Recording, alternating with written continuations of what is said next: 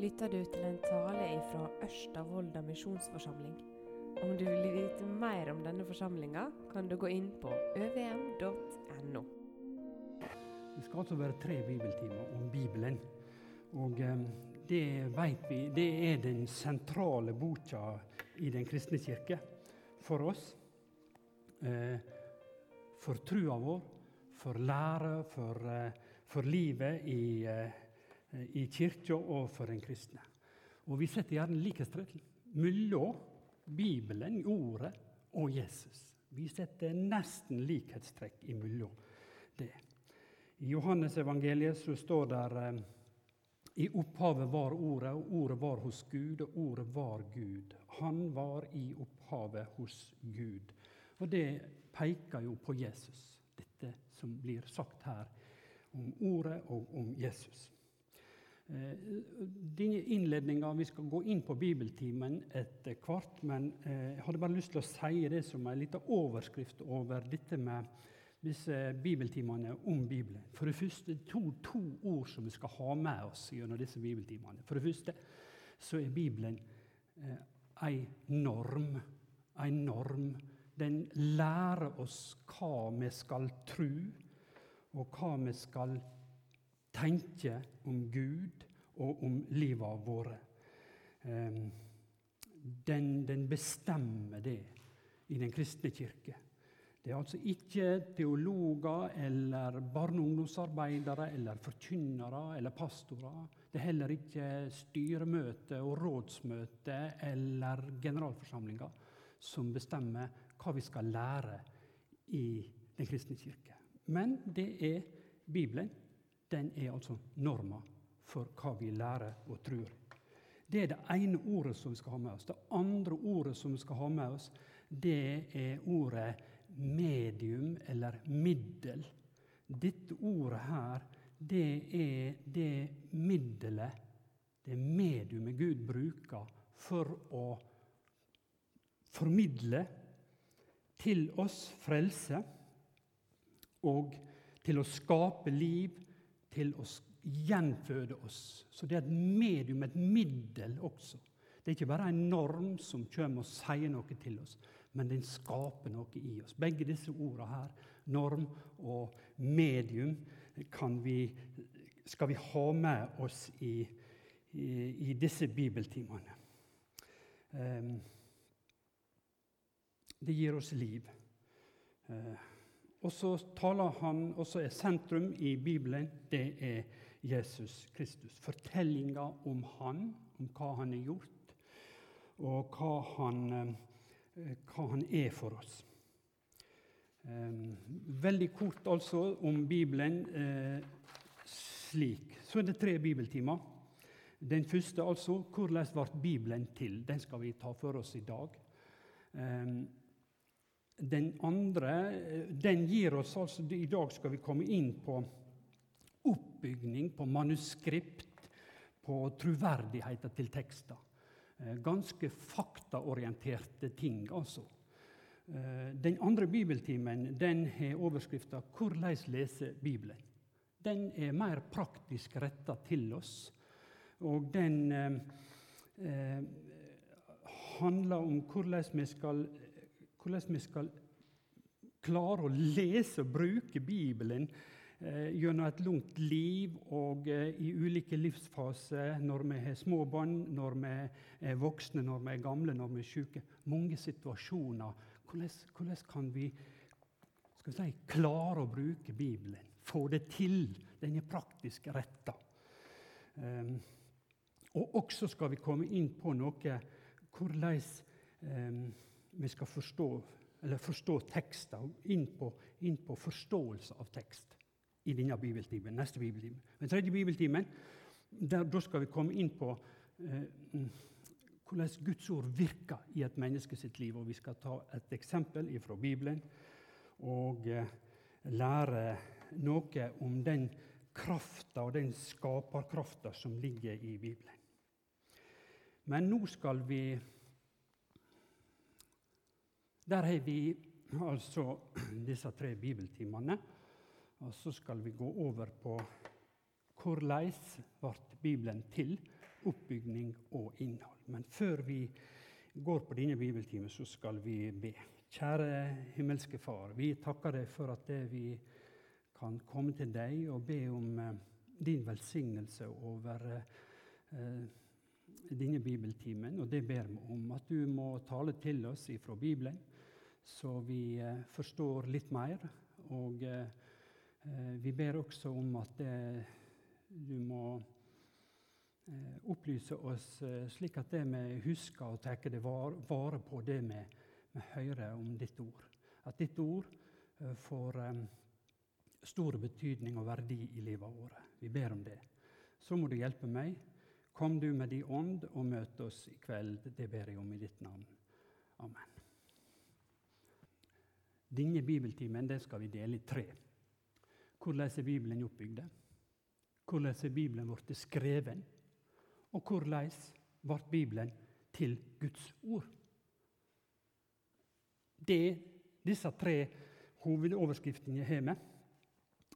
Og vi skal altså begynne på den første. Hvordan er Bibelen oppbygd? Den er delt i to. I Gamle testamentet, som er 39 skrift. Og så er det Nytestamentet, som er 27 skrift, eller bøk, eller brev. Det er en ganske, det er en ganske stor bok. 1500 sider omtrent. Det er denne Bibelen her på. Og så er her forklaringa. Og så er her eh, Eh, oversikt over konger og tidslinjer. Og så er det kart for oss eh, bak i Bibelen. Bibelen er inndelt i kapittel og i vers, slik at vi skal lett finne fram. Og Vi snakker om to testamenter, altså Det gamle testamentet og Det nye testamentet. Og de to henger i hop.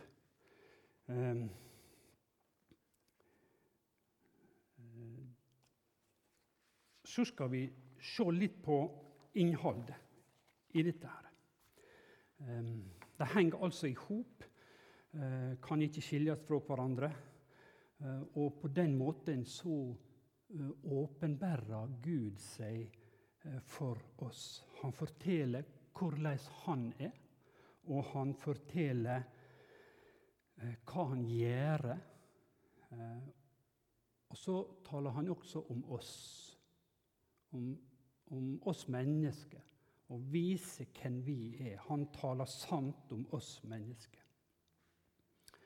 På den måten får vi et bilde av Gud. Og vi får et bilde av oss sjøl også. Hvordan er, det, hvordan er vi i forhold til Gud? Og sentrum i Bibelen det er Jesus Kristus. Um, um, så skal vi se på Det gamle testamentet. Hva er innholdet i det konkret? Hva er Det gamle testamentet eh, taler om? Hva slags litterært stoff har vi der? Eh, det er historisk stoff fra Abraham om relasjonen Gud og menneske. Fra kapittel 12 i første Mosebok så begynner fortellinga om Abraham.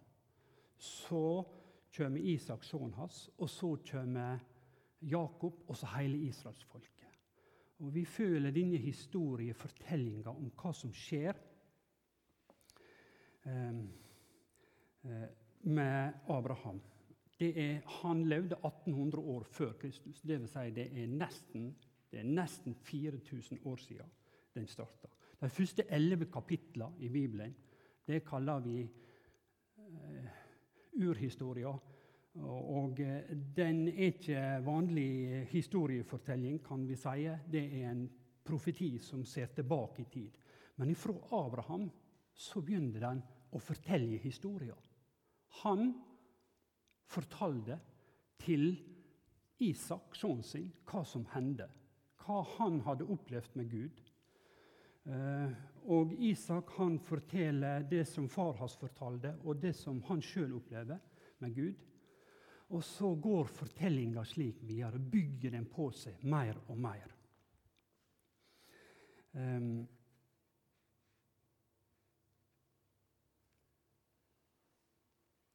På den måten begynner den, den vanlige historiefortelling. Selv de elleve første kapitlene også historiefortelling, men av en litt annen art. altså.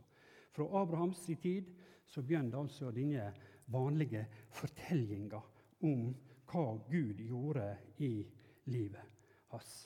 Eh, først var det en muntlig fortelling, og så ble det nedskrevet etter hvert. Og mennesker ble plassert inn i ei tidslinje. Essensen i denne historien det er Gud, forholdet mellom Gud og Abraham. Mellom Gud og Israel. Mellom Gud og Jakob og sitt folk etter hvert. Hvordan Gud handler med sitt folk. Eh, og På den måten så ble de kjente med Gud. Og Det ble nedfelt i fortellingene deres og i skriftene deres. Eh, altså en historiefortelling der Gud åpenbærer seg for folket og for resten av verden. Eh,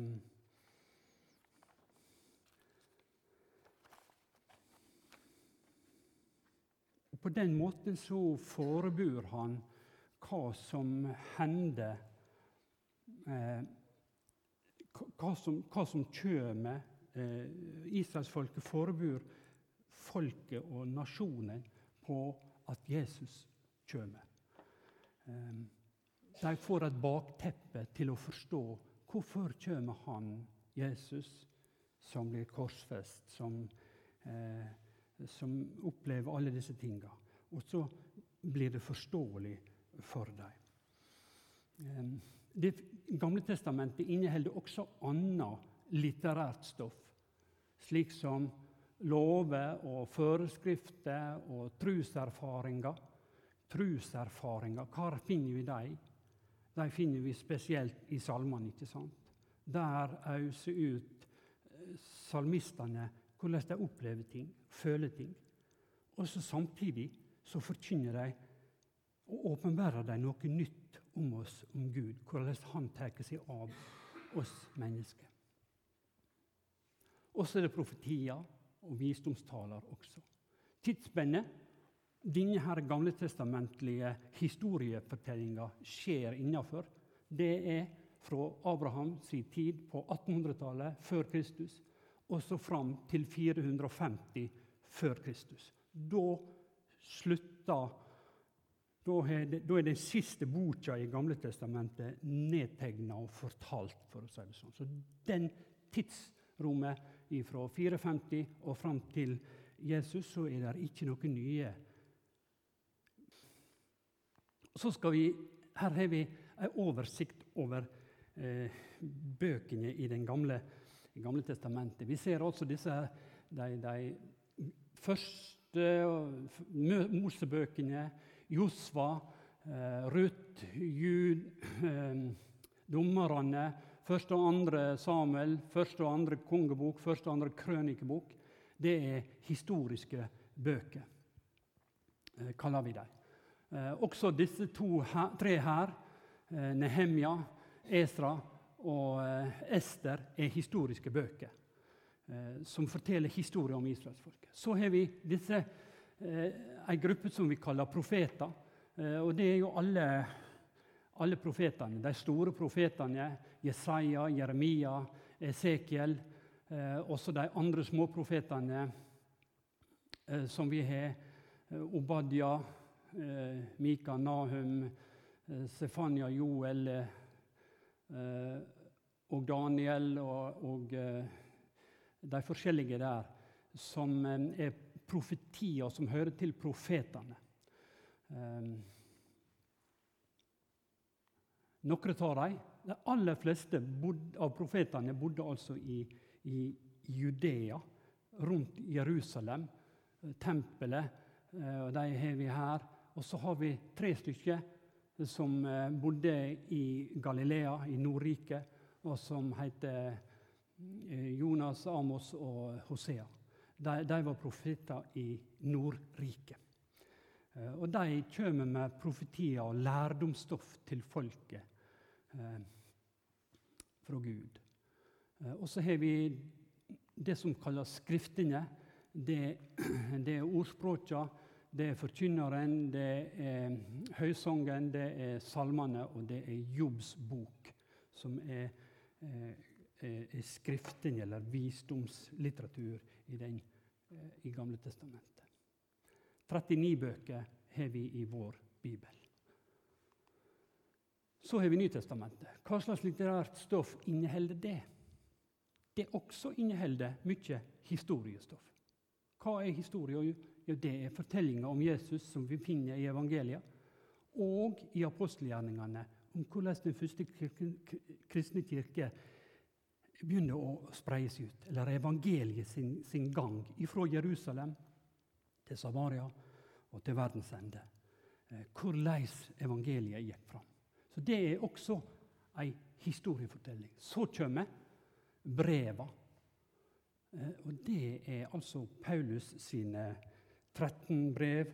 Det er, det er Johannes som har skrevet fire brev. Det er Peter som har skrevet to. Det er Jakob som har skrevet ett. Det er Judas som har skrevet ett. Og det er Hebreabrevet, som vi ikke vet hvem som helt har skrevet. Eh, og de, for, de, fortel, de fortolker historien om Jesus til oss. Hva betyr det at Jesus døde for oss? Hva var det, eller hva var det at han døde? Hva, hva betyr det? Eh, så i den delen av Nytestamentet får vi en forklaring av dette som hendte med Jesus. Og så får vi i tillegg etisk veiledning. Hvordan skal jeg som kristen, vi som kristen kirke leve? Hva er rett og galt? Dette blir fortolka i, i breva som vi har der. Og så er det også noen utsikter for framtida. Det er profetiene. Eh, de finner vi jo da særlig i Johannes' åpenbaring, men også andre plasser i Nytestamentet om ting som skal hende, og som ennå ikke har hendt. NT, Nytestamentet, ligger skjult i Det gamle testamentet. Og Nytestamentet det åpenbærer og forklarer for oss eh, Det gamle testamentet. Når Paulus og de andre eh, apostlene forklarer hva Jesu, Jesu liv og det som hender med Jesus, betyr, så er ikke det fri tolking. Det er ikke fri fantasi, men det er i samsvar med det Gamle testamentet har sagt. Slik at det, det henger i hop, det som blir fortolka om Jesus, det er sagt betydninga av Jesus, det, det henger i hop. Dette er Gud som har åpenbæra for Paulus og for forfatterne, for Peter for, eh, og er andre som har skrevet.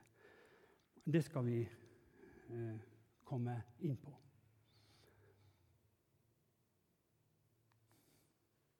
Her har vi det. Igjen dette er oversikta over, over Bibelen sine bøker.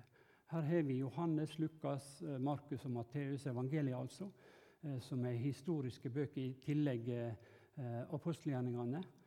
Og så har vi, har vi denne breva som fortolker noe om, om, hva det betyr, Jesus, Jesus sitt liv, liv. Det er i samsvar med Det gamle testamentet, de fortolkningene altså. Og så har vi denne eh, det som handler om framtidsutsiktene, profetiene.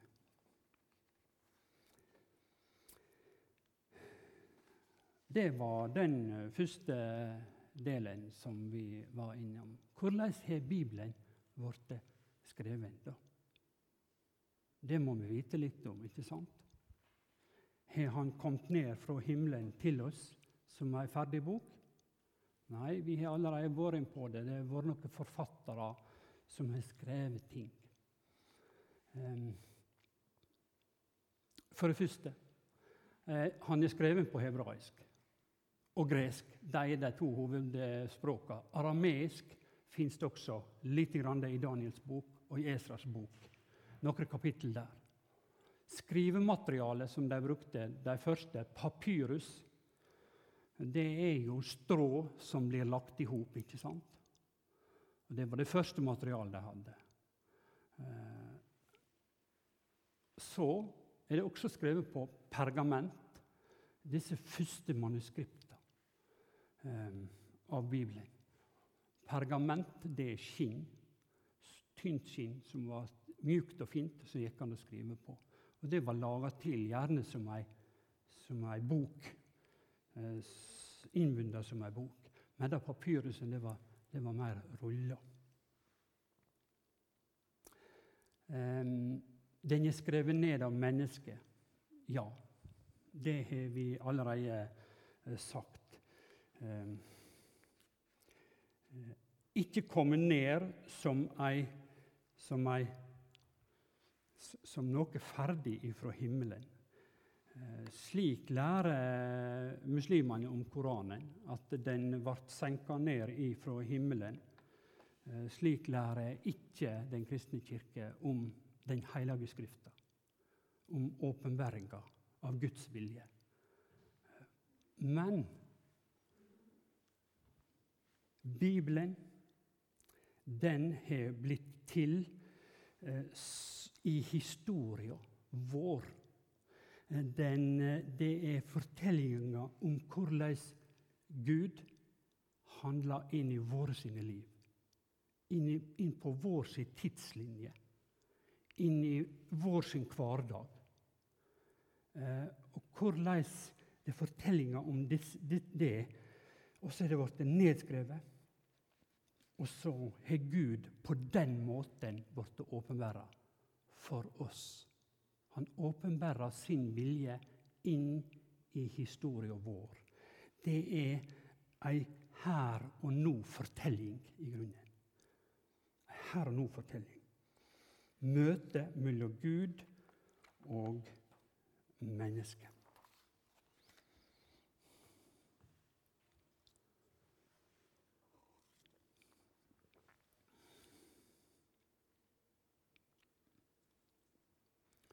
Så skal vi se litt om prosessen. Manuskript, hebraisk og den greske teksten. Hvordan er Bibelen blitt skrevet? Prosessen med å samle disse 1500 sidene som vi har her, og som er fra Gud. Um,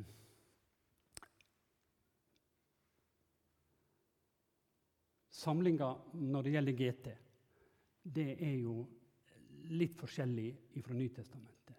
I den betydning at samlinga der den starta med en muntlig tradisjon. En muntlig tradisjon, en fortellertradisjon. Eh, Abraham han forteller altså til eh, Isak, og han igjen til Jakob, og de igjen forteller det videre.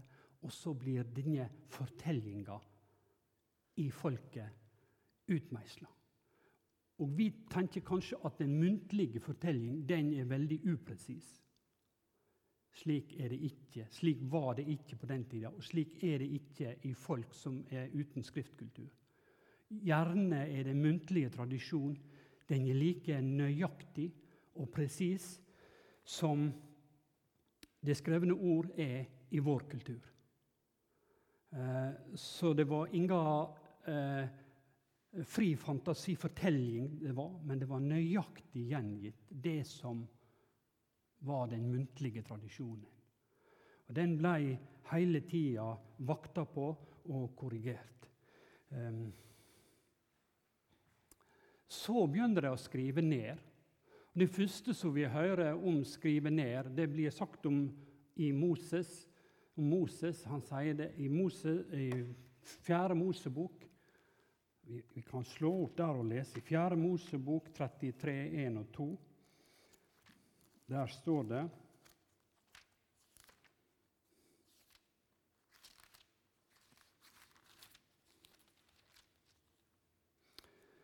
Herren sa til Moses Unnskyld. 33 var det. Disse dagsmarsjene gjorde israelittene da de drog ut fra Egypt. Hæravdelinga for hæravdeling, leia av Moses og Aron. På Herrens ord skrev Moses opp de stadene de tok ut fra på dagsmarsjene sine. Og Dette er dagsmarsjene regna fra de stadene de tok ut. Altså, På Herrens ord skrev Moses opp. Her forteller det altså at Moses skriver opp. Eh, I andre Mosebok 24, 4-8, finner vi også at eh, Gud ber Moses om å skrive opp.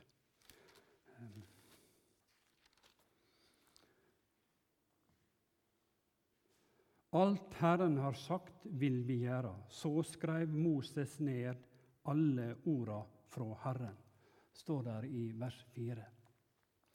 Um, slik begynner altså nedtegninga av Det gamle testamentet som vi har i dag. Først med en muntlig tradisjon, gjengitt nøyaktig, så notert ned eh, deler, og så etter hvert alt sammen. Um, så har vi at Jesus autoriserer Gamle testamentet. Han henviser til Det gamle testamentet i Matteus 19,8 og, eh, og sier det at det, det, er Guds ord. Det er det Gud har, har sagt til oss. Eh, I Jeremias, eller Baruk, som var skriveren til Jeremias, han, han, eh, der står det at det, han skrev ned det som var sagt i kapittel 36. Så slik begynner altså nedskrivinga av den muntlige tradisjonen, åpenbæringa av Gud, hvordan Gud hadde åpenbæra seg. Ehm, alt som er skrevet i Mosebøkene, eh, er jo ikke eh, eller, Alle de fem Mosebøkene er ikke skrevet av Moses, for det er fortalt om Moses at det, han, han dør. Så han kan ikke ha skrevet alt dette her sjøl, for å si det slik. Så, men, men vi regner Moses som opphavsmann som, eh, til, til, som forfatter av de fem Mosebøkene. Slik tenkte også Jesus. Han refererer der til Moses i Matteus 19,8. Eh, dette er viktig for oss, at Jesus autoriserer Det gamle testamentet som han brukte som bibel, og kaller det Guds ord. Og sa at dette er ordet ifra Gud.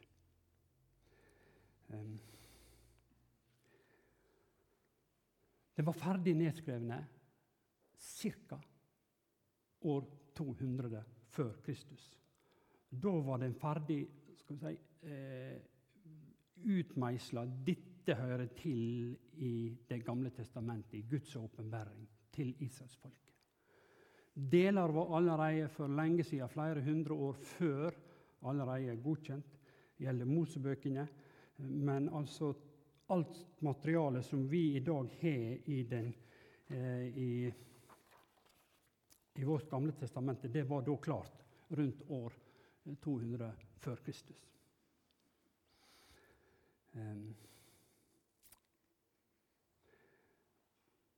Så skal vi se litt på manuskripta av Gamle testamentet. Eh, vi er fremdeles inne på dette temaet hvordan har Bibelen blitt skrevet. Manuskripta av, av Gamle testamentet. Der er ei håndskrift som de fant, som heter Aleppo-håndskrifta. Det er den eldste komplette Gamle testamentet som fins. Det er fra ca. 900 etter Kristus. Um, det er et annet skrift som også eh, var komplett, som er 100 år eldre. Det heter Leningrad-håndskrifta. Og så fant de i 1947 Dødehavsrullene. Det har dere sikkert hørt om.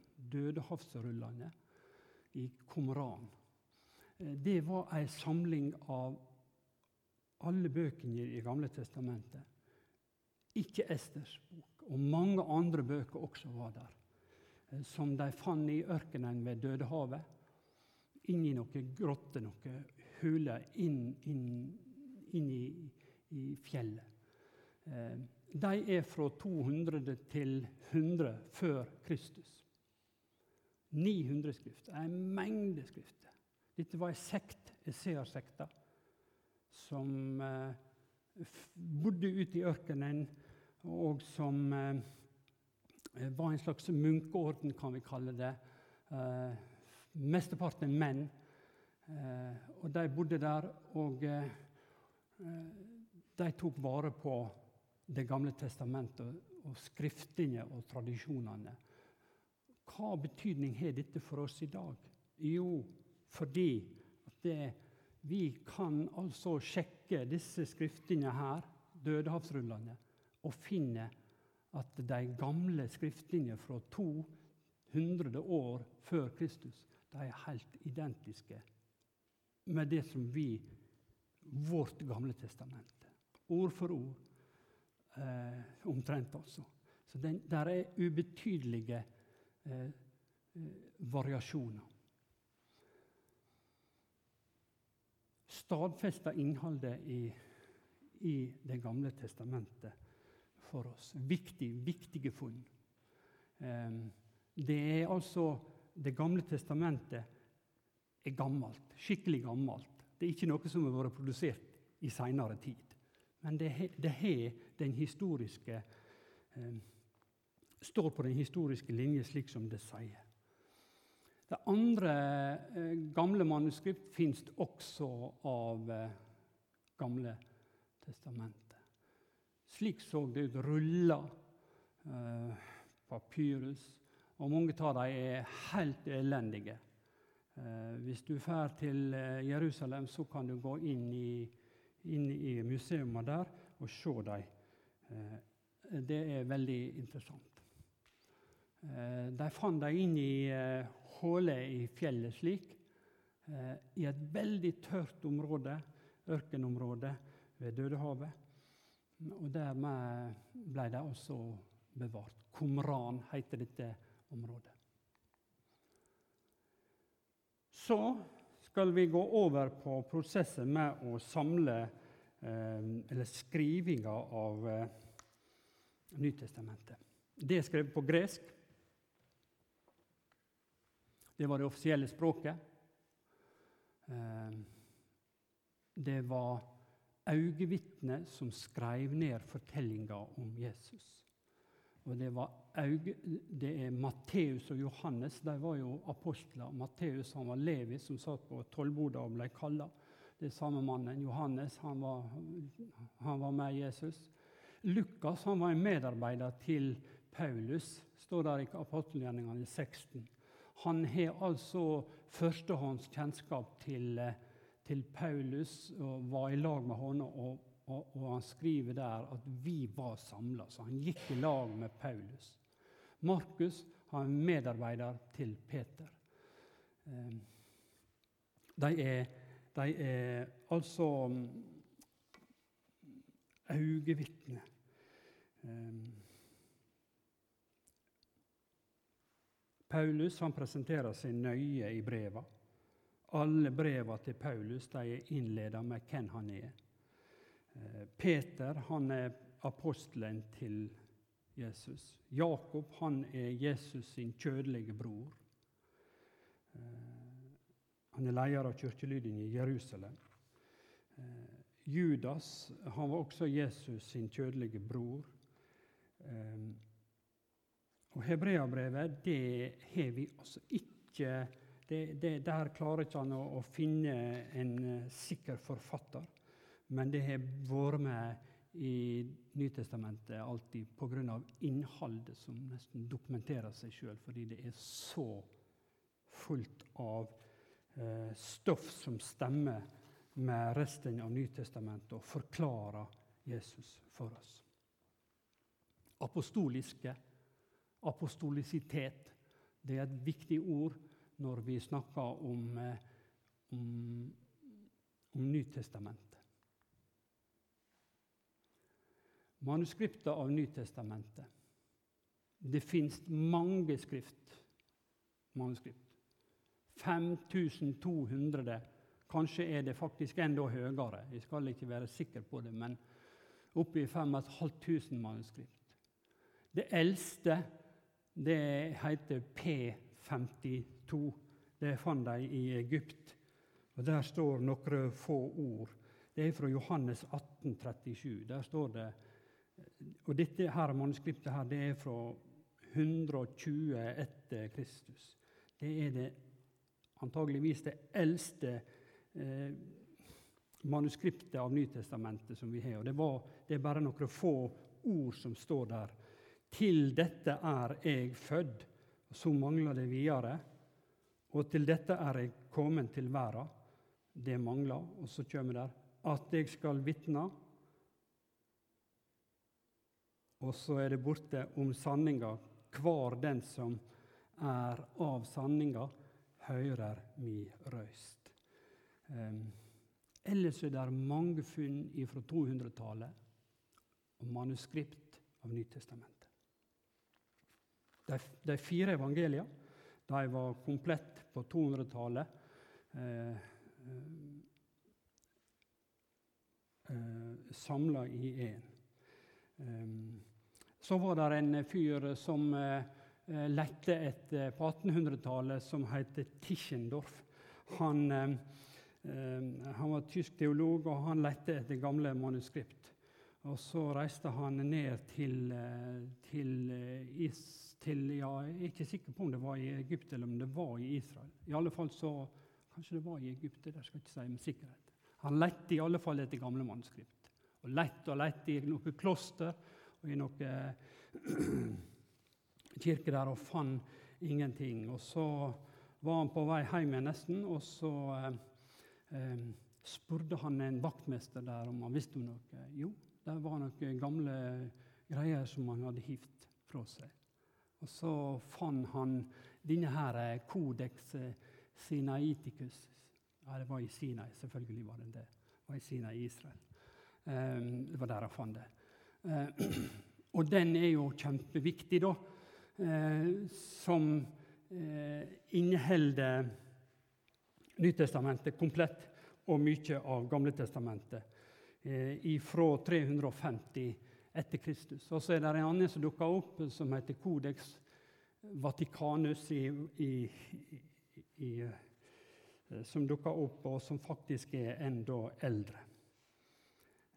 De aller fleste av Nytestamentet sine manuskript de er såkalte kodekser, altså bøker, som er innbundne slik.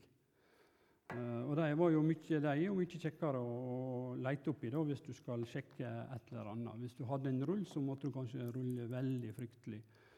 Så det var et stort framsteg å lage bøker i stedet for ruller. Eh, da var det mye lettere å sjekke. Og disse manuskriptene, mm, de eldste mange var skrevet i ei rekke med bokstaver. Uten punktum, uten mellomrom mellom orda. Så det var 100 meter med, med, bokstaver. Så måtte du finne ut hva, hva, det var. Og de som selvsagt kunne å lese gresk, de eh, tok dette der sikkert uh, veldig snart. Men, uh, men sånn var det. Vår bibel, bare for å si det, den er den, det, det, Vi snakker om to sånne skrift... sånne manuskript... eh, som blir brukt til å omsette Bibelen. Den ene den heter flertallstekstene. Det er den bysantiske, som altså er knytta til Konstantinopel og den, den delen, greske delen der. Og De er mange skrift. Eh, mange, mange flere. Og så har vi de eldste, eh, eh eldste De eldste skriftene, men som ikke er så mange. De er aleksandrinske. Det er fra en annen kant. Og Bibelen vår, denne her, 2011, den er basert på disse der eldste eh, skriftene. Aleksandrinske skriftene. Men de, de gamle biblene fra begynnelsen på 1900-tallet og attover, de var gjerne fra flertallstekstene. Eh, fra den bysantiske delen. Lite variasjon i dette her. Men i bibelforskninga så er jo dette her et tema, og i omsettings... De som driver med omsetning, de eh, snakker jo om dette og, og, og kan legge ut veldig om det. Altså. Men det er to kategorier skrifter som blir brukt til omsetning. Um, jeg skal bare kort si litt om Der er vi i Codex Sinaiticus. Ja. Kanon. Kanon det betyr det som er bestemt. Det som, det som, er, det som vi har sier er godkjent og er Guds ord og er Bibelen. Gamle testamentet den var altså klar på 200-tallet før Kristus. Den nytestamentlige kanon den var endelig klar 350 etter Kristus. Mm. Og det dukka jo opp. Den, den kanonen av Nytestamentet det var tre kategorier. Tre ting måtte være med for å bli godkjent i Nytestamentet. For det første så måtte det være apostolisk. Det måtte være vitne av, skrevet av vitner som så det. Øyevitne. Det andre det er at det, eh, det måtte ikke være motsetninger i dette materialet som eh, ble samla til et Nytestamente. Eh, det måtte ikke være motstridende opplysninger. Og så Det tredje var det at det måtte ha vært brukt lenge. Lenge.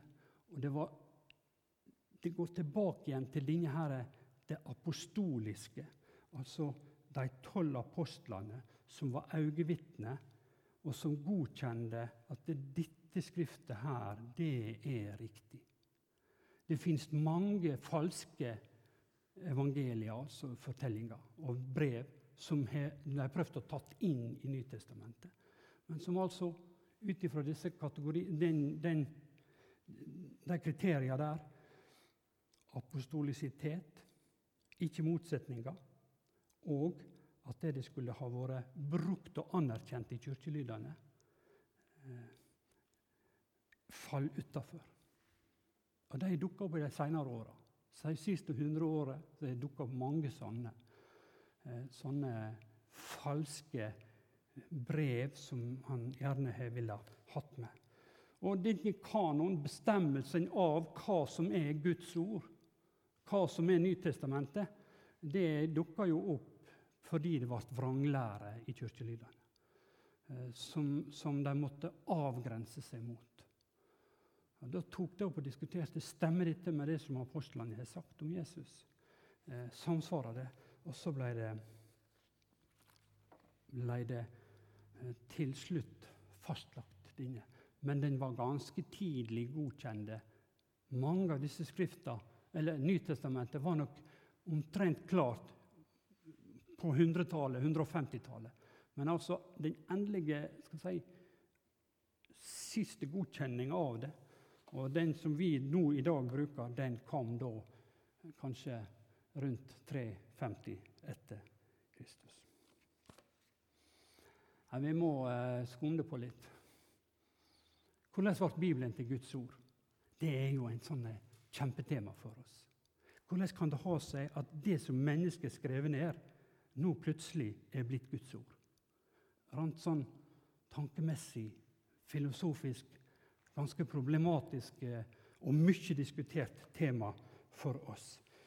Ehm, vi skal komme inn på det, for det er viktig, og vi skal være ganske korte.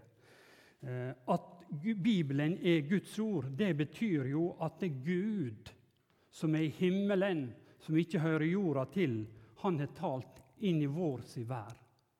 Han har, han, han har sagt noe til oss.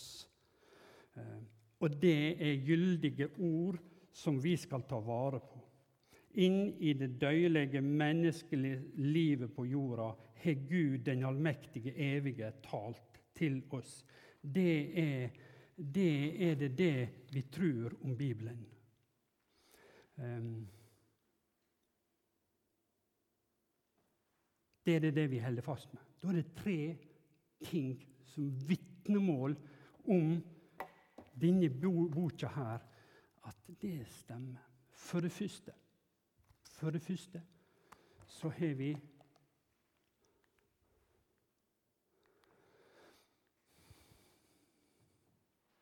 Hva er det som bevitner dette, at Bibelen er, er Gud, den evige i himmelen, som er talt til oss? Vanskelig tema, vanskelig, men veldig viktig tema for oss. Også. For det første det fins et vitnemål, et eksternt vitnemål. Andre bøker taler om Bibelen, sier noe om Bibelen til oss. Um, um, som knytter hendinger til Jesus, uh, som bekrefter det som Bibelen uh, sier om Jesus, og fra historia ellers i Gamle testamentet. Det fins mange slike. Eh, den, en som ofte blir nevnt, det er en historiker som heter Josefus. Men også andre eh, bekrefter eh, dette. Det er det eksterne vitnemålet. Så har vi et ytre jeg kaller det et ytre sjølvvitnemål i Bibelen. Hva er det for noe? Jo, eh, Jesus nevner GT som Guds ord. Det kan vi lese om i Johannes 10, 35, i Lukas 24, 26-27. I Nyttestamentet sier, at alle skrifter er innanda av Gud. De er innanda av Gud. Vi kan lese om det i 1. Timoteus brev 3,16 og i 2. Peters brev 1,21. I apostelgjerningene står det også det er jo et vitnesbyrd eh, om eh, Som Bibelen gir av seg sjøl, på en måte. Ikke sant? Og vi kan jo trekke det i tvil, da. Og det blir jo ofte trukket i tvil. Hvordan kan en forfatter gi seg sjøl det vitnesbyrdet at dette er Guds ord? Er ikke det å, er ikke det, blir ikke det en ikke et ugyldig argument egentlig å komme med. Hvordan kan det være sant? Men Bibelen sier det. Det er en indre sammenheng i Bibelen om dette. Vi finner det igjen de ulike bøkene som, som taler om dette. Men så har vi det siste. Indre sjølvitnemål i Bibelen. Et indre sjølvitne. Det er litt klurete sagt, altså, men, men det betyr at det som vi leser her, hendingene, bevitner at Gud eksisterer. Det er ikke et vitnesbyrd som forfatteren gir av sin egen tekst, er det vel? Nei. Men det er fortellinga sjøl som sier dette her er, er Guds inngriping i vår historie. I vår historie her og nå. Det som hender, det er Det er Gud som handler i vår historie. Det som er fortalt her, er sant, altså. Når det er fortalt om Raudehavet, ferda gjennom Raudehavet, ehm, utgangen fra Egypt eh, Mange sterke fortellinger om hvordan Gud griper inn i israelsfolket si historie. Eh, Det bekrefter at dette ordet her det, det er en bekreftelse i seg sjøl. Det andre, profetier som går i oppfylling. Er det noen profetier som har gått i oppfylling etterpå? Ja, det er det. Stadig vekk så skjer det at de profetiene som er sagt, de går i oppfylling. La oss tenke på Israels folke. Israel som ble spredd ut over hele jorda, og som de siste 60-70 åra, plutselig 100 åra, har kommet tilbake og fått igjen sitt eget land. Dette var sagt på forhånd, og det går i oppfylling. Enda så er det profetier som ikke er gått i oppfylling og som kommer til å gå i oppfylling. Og vi skal bare følge med på det. Eh, og det siste punktet, det er jo eh, om Jesus sitt eh, liv og gjerning.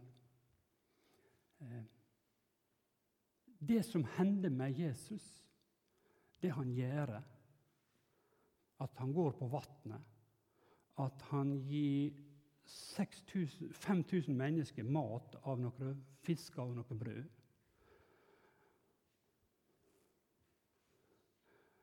Eh, alle disse, disse undra som han gjør, de bekrefter at Bibelen den er ikke en menneskelig fortelling, men det er Guds inngreping. Det som er fortalt om henne, det som står her, det er Guds ord, og det er til å stole på. Um,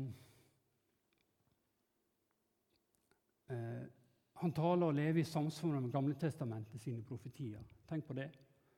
Alt som står om Jesus i Det gamle testamentet, det går i oppfylling med Jesus, og vi ser at det stemmer. Det er sagt om Jesus i Det gamle testamentet, og så skjer det. Så Jesus sitt liv og sin gjerning det bekrefter at Gamle testamentet er Guds ord til oss, og at det stemmer. Han dør og står opp på den tredje dagen. Det har aldri hendt før. Det er Guds inngriping. Eh, og det forteller at din, denne boka her, den er, er sann. Han blir løfta opp til himmelen. Det er, det er jo det siste som hender med, eh, med Jesus. Nå har jeg brukt veldig lang tid, dere, men det var altså siste punktet. Men la oss bare si det igjen. Hvordan ble Bibelen til Guds ord? Eh, jo, det er et ytre vitnemål om Bibelen som sier det. Det andre Bibelen, teksten sjøl, sier at dette er Guds ord. Og så det tredje hendingene bekrefter at det som, eh, det som er fortalt, det er sant, og det er Guds inngriping i vår tid, i vår historie.